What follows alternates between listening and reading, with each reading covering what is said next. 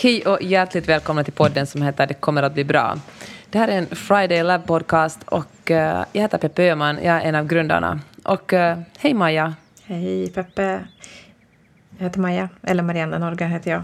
Är du, vi ska prata om sociala medier och lite vad som är personligt och privat och eh, kanske lite på fundera på vad vi ska bjuda in i våra liv och vad vi ska hålla utanför. Låter det som agenda? Låter superbra.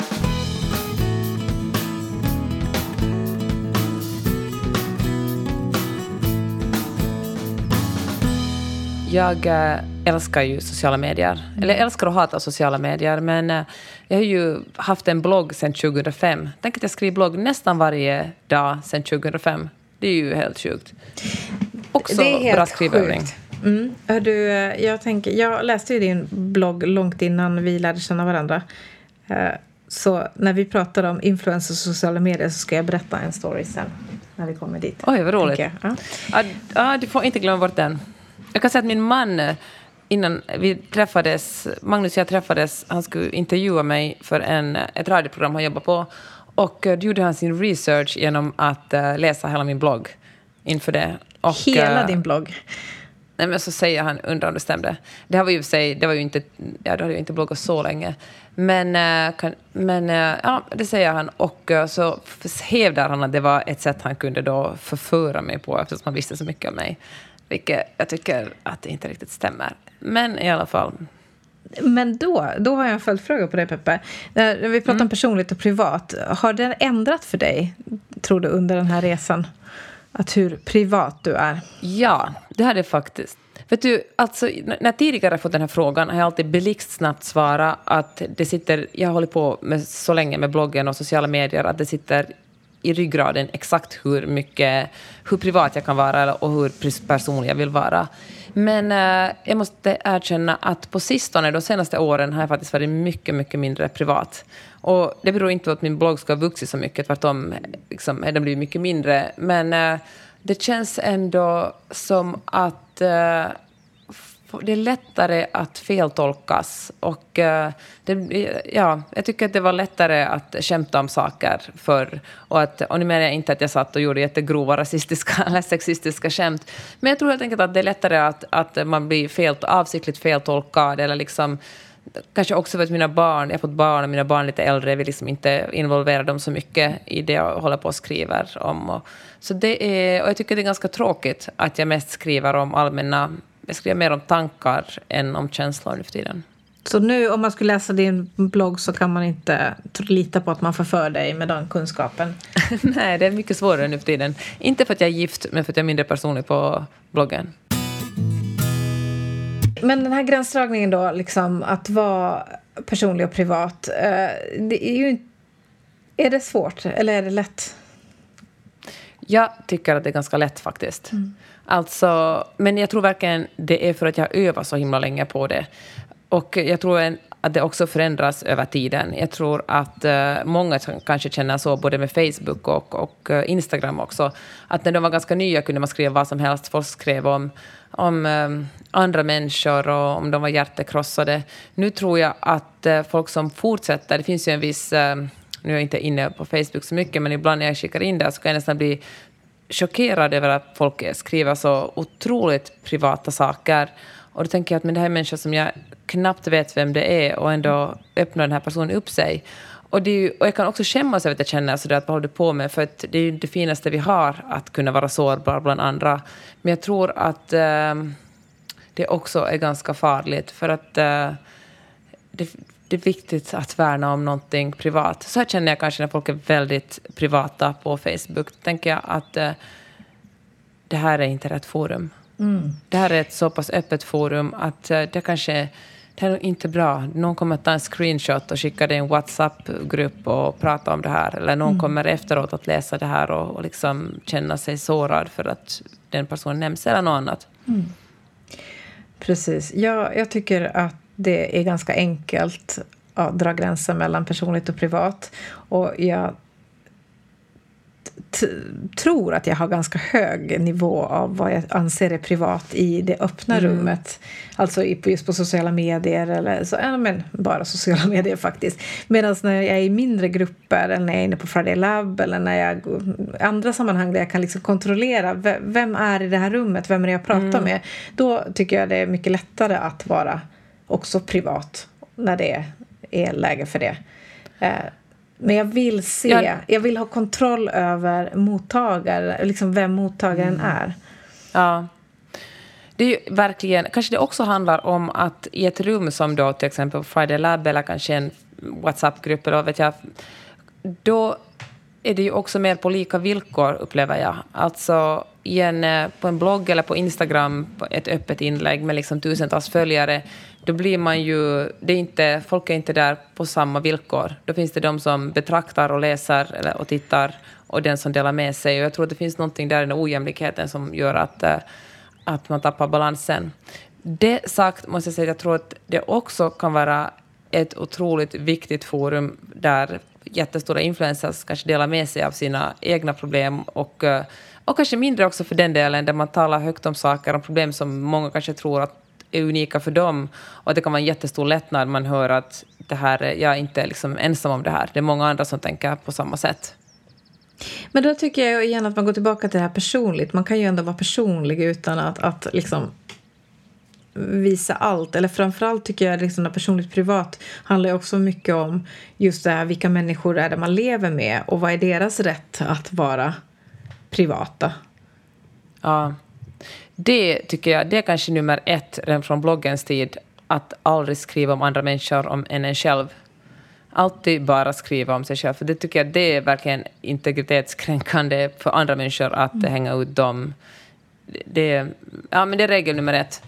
Men, äh, men det kan ju också faktiskt, om man lever i en relation, eller att, kan det ju också vara integritetskränkande om man skriver om sig själv eller sina känslor gentemot personer i, i, i familjen. Mm.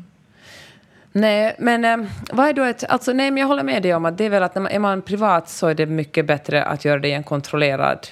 Alltså vi skulle inte komma med något råd här, men jag skulle verkligen... Jag håller med dig om att jag inte vågar eller vill dela med mig om riktigt privata tankar och känslor och upplevelser helt öppet. Men eh, däremot tror jag att det finns mycket... Att det personliga är otroligt mycket intressanta, intressantare än bara det professionella eller någon slags eh, yta. Nu tänker jag kanske på, nej men, eh, alltså vet du, LinkedIn till exempel. Mm. Jag kan tycka att det är så fruktansvärt tråkigt. Där, eh, jag har verkligen försökt engagera mig mer i LinkedIn på sistone, för jag tänker att det är det sista oupptäckta sociala medier som, eh, som... Eh, jag menar, det är svårt att bli stor på Instagram. Det är svårt eftersom konkurrensen är så hög och detsamma gäller YouTube och vad vet jag, TikTok. Men eh, LinkedIn finns det ännu möjlighet och det är för att folk är så otroligt dåliga på att göra innehåll där. Alltså... Nej men... Det måste du väl ändå hålla med om? Alltså det ja, är väldigt nej, mycket listor på vad man har åstadkommit i sitt professionella liv. Och jag tror att även om man tänker att det här ska vara ett professionellt nätverk så gör det verkligen inte en gott. Jag tror det skulle göra att, det, att skriva in lite tankar och känslor och erfarenheter ger en så mycket mer traction än att bara sätta upp sitt CV dag efter dag. Mm, så är det ju. Och det finns ju de som gör LinkedIn jättebra också, men de är liksom undantagen tycker jag. Och sen pratar vi alltså sociala medier är ju sociala, de ska ju bygga på relationer. Och jag tycker väl inte riktigt att jag har ännu sett LinkedIns jag har inte sett fördelarna med det. Medan jag tycker att eh, Instagram till exempel, så där tycker jag att det har varit ett bra sätt att bygga relationer därför att man kan connecta i väldigt vardagliga saker. Alltså det, det är lätt att skicka iväg en kommentar till någon om man ser att de gör något mm. spännande. Uh, Nej, men till exempel, jag tycker vi ska outa riktigt mycket människor i en positiv kontext ja. här. Ja. Så eh, din före detta förläggare som har börjat promenera. Marie Colley? Yes. Så hon håller på att skifta liv och eh, byter jobbidentitet och ska nu göra en jättelång pilgrimsvandring som hon börjar träna för otroligt inspirerad blir jag av det. Alltså av bilderna hon lägger upp och hur mycket hon ska gå. Liksom. Det här gör ju mig superglad varje gång jag ser det. Och vi har ju inte träffats någon gång tror jag. Nej, men eh, vet du, där kan man bygga en relation genom att bara liksom tummen upp, heja dig, gud vad kul, vad spännande, jag vill gärna följa dig när du gör det här. Fan vad intressant, det var ett jättebra exempel faktiskt. För en sån sak som man känner, alltså den känslan vill man ju verkligen ha, man känner så här, good for you, gud vad roligt, vilken resa du är ute på, jag vill följa med det här och se hur det går. Och, eh, och sen kommer det säkert alltså att komma dagar som hon inte tycker det är superroligt att, att gå, eller som man kanske skadar foten jag vill vara med på det, heja på dig. För det finns ju också något väldigt härligt att känna att man får heja på någon som det går... Eh, som, som, som försöker nå någonstans, som, som är på väg någonstans. Nå någonstans. Exakt. Ett annat exempel är äh, en tjej som heter Pia som bor i Vasa och har helt fantastiska grisar.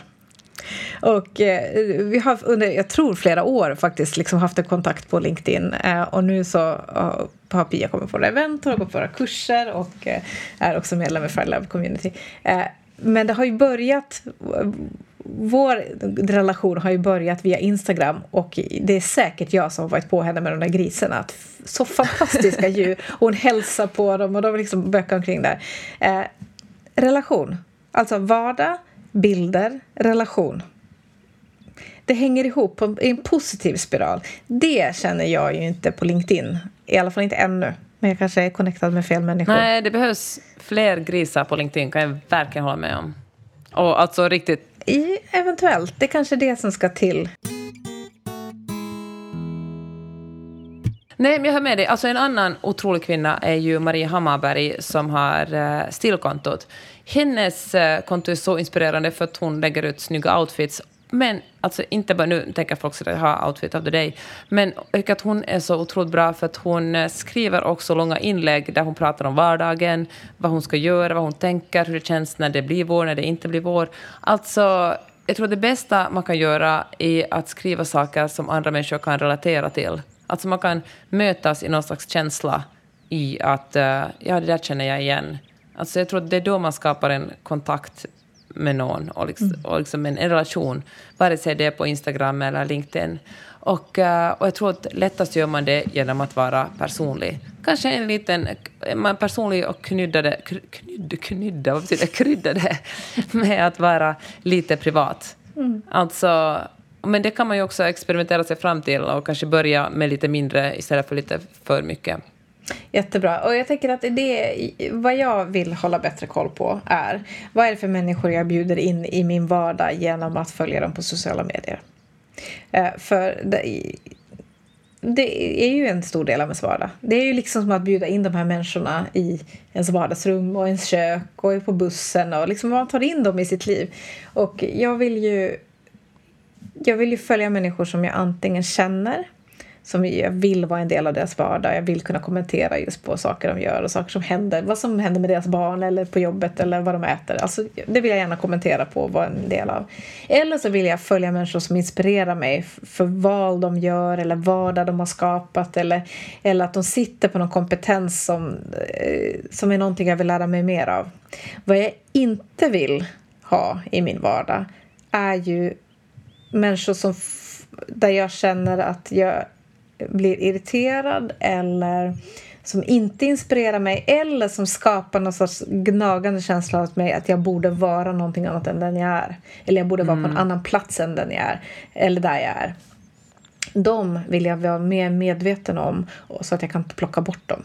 Det är så viktigt att också identifiera dem. För jag tror att det är många som bara hänger kvar av gammal vana. Eller för att någon som har jättemånga följare, då tänker man att kanske, kanske jag också ska följa den här personen för att det typ hör till. Men ähm, om vi spelade in förra avsnittet den här podden så då pratade du med Maja om att man speglar sig i de människor man umgås med. Och jag känner att det stämmer också på sociala medier.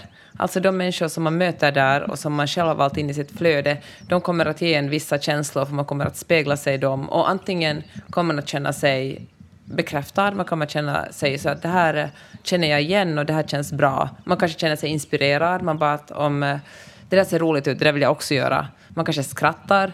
Eller så kommer man att känna sig rynkigare och uh, glåmigare och att dålig på att, nu talar jag om mig själv, väldigt dålig på att sminka mig. eller att man behöver köpa någonting som nya, nya kläder eller vad vet jag. Alltså en känsla som du sa att, att man är av otillräcklighet. Mm. Och uh, det är ingen bra känsla att gå med. Alltså, det är inte någon bra känsla att, att bjuda människor som får en känna sig otillräcklig i sitt Nej, liv. och vi får faktiskt inte vara så lata att vi inte tar ansvar för det. Alltså vi behöver vara den vuxna i rummet så att det här är inte bra för dig just nu, alltså tar vi bort det. För en stund. Och det kan ju handla också om att man behöver kanske pausa Instagram helt och hållet ifall man märker att varje gång man har varit inne och följt andras liv så känner man sig nere till exempel. Men ta, ta då en paus och gör något, fyll på med något annat under en viss tid. Men åtminstone att man liksom plockar bort det som inte känns bra. Ja, man kanske ska göra en sån grej, typ så en gång i veckan, så går man igenom och tänker, eller kanske bara ta det som på, liksom, när- att man, man en gång i veckan man scrollar, så man tänker så här, vänta lite, hur känner jag mig nu? Ja, det här känns inte bra. Jag, jag liksom, det är någonting som får mig att, att äh, känna mig dålig här. Och då tar man bort den, eller tryck på mute. Det är det någonting som min man gör, han har aldrig någonsin avföljt någon på Instagram, han mutar alla. Och det är ju fine, det kan man ju göra. Men så tycker jag också att man kan fundera på att när man väljer att bjuda in de här människorna i ens liv, alltså vilka tillfällen på dagen, är det okej att, eh, så här, jag kanske vill ha sällskap på bussen eller på tunnelbanan. Eller så kanske jag behöver de pauserna där jag inte tar in input. Att nej, du har en bra, det är liksom en bra poäng. Att jag till exempel eh, försöker att inte börja dagen med Instagram. För jag känner att det är, det är för tidigt att ta in de intrycken. Jag vill liksom att hålla min hjärna på något sätt fräsch innan jag utsätts för det. Sen kan jag, och det betyder inte att jag hatar Instagram, jag gillar verkligen Instagram jättemycket. Jag tycker det är ett jättehärligt sätt att hålla kontakt med folk, få nya kompisar. Alltså jag har lärt känna Ja. jättehärliga människor via Instagram. Och att... Eh, men också, jag tror att, alltså att, att sända iväg lite pepp och kärlek. Jag kan själv bli på så gott humör när man får skriva heja åt någon som har det bra i livet. Det är... Det är väldigt härligt. Sen tror jag också, att jag vet inte om vi ska tala om det här, men jag talar på i alla fall. Jag tycker att en sorglig grej med Instagram är att det är, eller inte sorg, men liksom lätt, jag tror att vi har använt, haft det här sociala medier så pass länge nu, att, eller så är det bara mänsklig grej att kunna tolka när folk verkligen går igenom någonting svårt trots att de inte skriver det. Jag tror att vi har någon slags bullshit-detektor i oss. där man ser 100 procent. att när någonting inte är äkta. Mm. Och jag tror att man kanske själv ska komma ihåg det här att det kanske det finns en... Jag vet ibland kanske när man känner att man inte har feeling att posta något och ändå vill göra det så kanske man ska låta bli. Det finns Mm. Liksom ingen... Instagram-polisen kommer inte att göra en böter för det. Nej, det är bra att veta. Men Och jag funkar... Men alltså jag är... jag, kanske, jag är kanske bara gammal, men jag känner att eh, jag har så... Alltså det här låter ju hemskt, men jag har så svårt att ljuga till exempel. Jag har svårt att lägga upp en bild från förra veckan och låtsas att det är från den här veckan. Vilket är ju helt idiotiskt, det gör fan alla, tänker jag.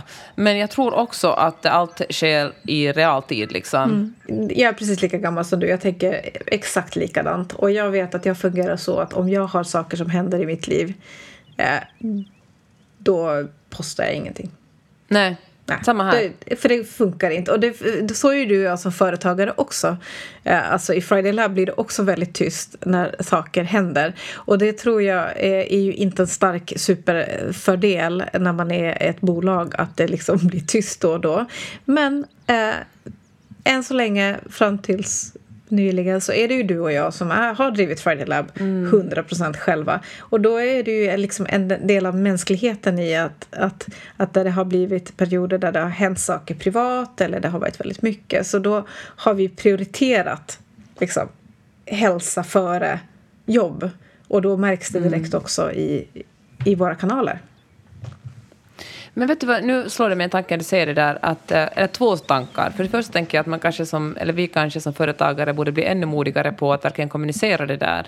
Att säga det högt, att det händer mycket nu. Och i Friday Labs värderingar och våra värderingar som eh, företagare hör till att inte jobba liksom 16 timmars dagar eller bränna ut oss själva för att allt ska bli gjort plus sociala medier och därför blir det en paus. Jag tror det är en ganska bra sak att berätta, säga högt för att folk kan säkert relatera till det. Vi har ju många företagare som eh, syns där. Och kanske det samma sak också gäller eh, alltså Nej, vet du vad? Är man privat, då fan, det finns som sagt, Instagram-polisen kommer inte att liksom knacka på dörren och skicka böter åt en. Det finns inget tvång på att, ingen bryr sig liksom hur ofta du, eller inte, eller de flesta, kanske mamma då, men bryr sig hur, om du hinner eller inte hinner publicera. Det är bara på skoj. Ifall man inte är influencer och livnär sig på sina sociala medier, så är det faktiskt okej okay att inte publicera någonting på månader eller på dagar. Eller liksom, mm. det, Sen tycker jag faktiskt också att, eh, eller det som jag själv jobbar mycket på, är att inte ta det på för stort allvar. Alltså verkligen inte känna att varje text måste vara så jävla smart eller rolig, eller varje bild måste vara så himla snygg och bra. Utan helt enkelt unna sig själv att se det som en kul grej. Alltså inte ta sig själv på för stort allvar och absolut inte ta Instagram eller någon annan social media på för så stort allvar. Så klokt. Jag tror att barriären för mig att, att gå ut och skriva, eller att vi skulle gå och skriva att det händer mycket nu, da, da, da, det är just det här att det också används på ett så manipulativt sätt. Mm. Att, ja, att jag, det. Ja. Och jag... Jag hör dig. Alltså, jag tycker det här är svårt. Alltså det är svårt, i, alltså det sitter i magen den här känslan att vad är rätt och vad som är fel. Och jag tycker så här att för, inför våra medlemmar eh, så är vi ju alltid väldigt transparenta. Ja. Saker händer. Nu händer det här. Nu skippar vi det här som vi hade planerat. Att vi pratar väldigt mycket till våra företagsmedlemmar till exempel. Väldigt mycket mm. om hur vi ganska snabbt kan prioritera om och, och stryka grejer och så. Det är en del av våra värderingar. Mm. Men där är vi igen kontrollerat rum. Vi vet vem vi pratar mm. till. Eh, det är också människor som har en relation till oss, som känner oss och sådär. Känner ett motstånd att att skriva motsvarande saker till en publik som, som vi inte känner. Av den Nej. orsaken. Att det också görs väldigt mycket så för att väcka reaktioner. För att, liksom, att det finns en sån baksida av det. Som igen går lite emot mina värderingar. Vet du vad, det har du, jag vet exakt vad du menar. Och jag tror också att, men jag tror att, att använder man vill man manipulera sina följare tror jag också att det kan komma ett bakslag i det, för att ingen vill känna sig manipulerad. Ingen vill känna sig lurad eller liksom förd bakom ljuset. Så, och jag tror verkligen att man ska vara väldigt noga med att uh, inte manipulera. Det betyder inte att man måste berätta precis allt som händer hela tiden och vara liksom 100% transparent, utan man kan verkligen berätta så, precis så mycket man vill. Men det där att, att försöka manipulera fram vissa reaktioner är bara obehagligt. Och som jag sa, jag tror att folk har liksom bättre bullshit-detektorer än man kanske tror. Eller man ska verkligen respektera den förmågan hos människor. 100 procent. Jag tycker att podd som format har jag märkt många gånger att det finns många saker vi har pratat om i den här podden där vi faktiskt inte alls kontrollerar vem som lyssnar på den. Som jag mm. absolut inte skulle skriva. Vad tror du det beror på? Det känns så tryggt när vi sitter här och bara hör varandras röster. Det är som vilket som helst annat samtal. Ja, fast så vet man ju ändå att folk lyssnar. Jag tror att det handlar om att det är mina ord. Alltså, man, det mm. går det är svårt att ta det helt ur sitt sammanhang. Man hör hur jag låter på rösten när jag pratar om det. Jag, får liksom, mm, jag har bättre kontroll över... Fler dimensioner. Ja, än att när det är någonting i text där man ju faktiskt inte vet med vilken röst en person läser det. Ja. Vad tror du som ändå har poddat mycket och länge? Nej, men jag håller med. Jag, och jag tror också att podden är ett superbra verktyg för att fördjupa just text och bild det liksom ger en möjlighet att uh, göra en lite längre förklaring med fler nyanser och, än vad till exempel LinkedIn eller, eller Instagram har. Jag tror till exempel att många företag skulle ha jättestor nytta av en podd, men då också förstå att ingen är intresserad av en podd där man bara säljer en viss produkt, utan folk är intresserade av en podd kring företagets uh, värderingar, hur det fungerar, hur kanske talar med folk som jobbar i vad vet jag, lagret, alltså behind the scenes. Och, uh, men uh, för att folk är ganska ointresserade av direktsälj också. Jag tror att när man uh, vill få synlighet till sig så kan det ju verkligen vara ett sätt att försöka vara lite personlig. Mm. Berätta vem man är och varför. Jag tror att jag aldrig har gjort ett köpbeslut på basen av en podd. Hmm.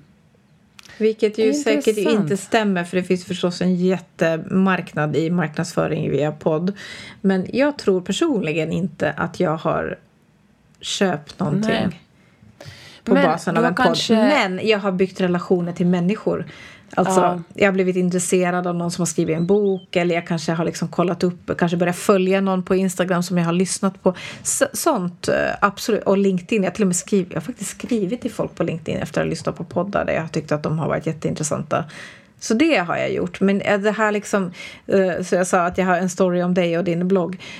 Att, att se någon som man upplever att man har relation till visa en produkt som då skapar ett havbegär som man då vill köpa. Det fenomenet har jag inte upplevt i poddformat, vilket jag absolut upplever i bloggvärlden och på Instagram. Aldrig heller på LinkedIn, men det finns ju inte så mycket där kanske.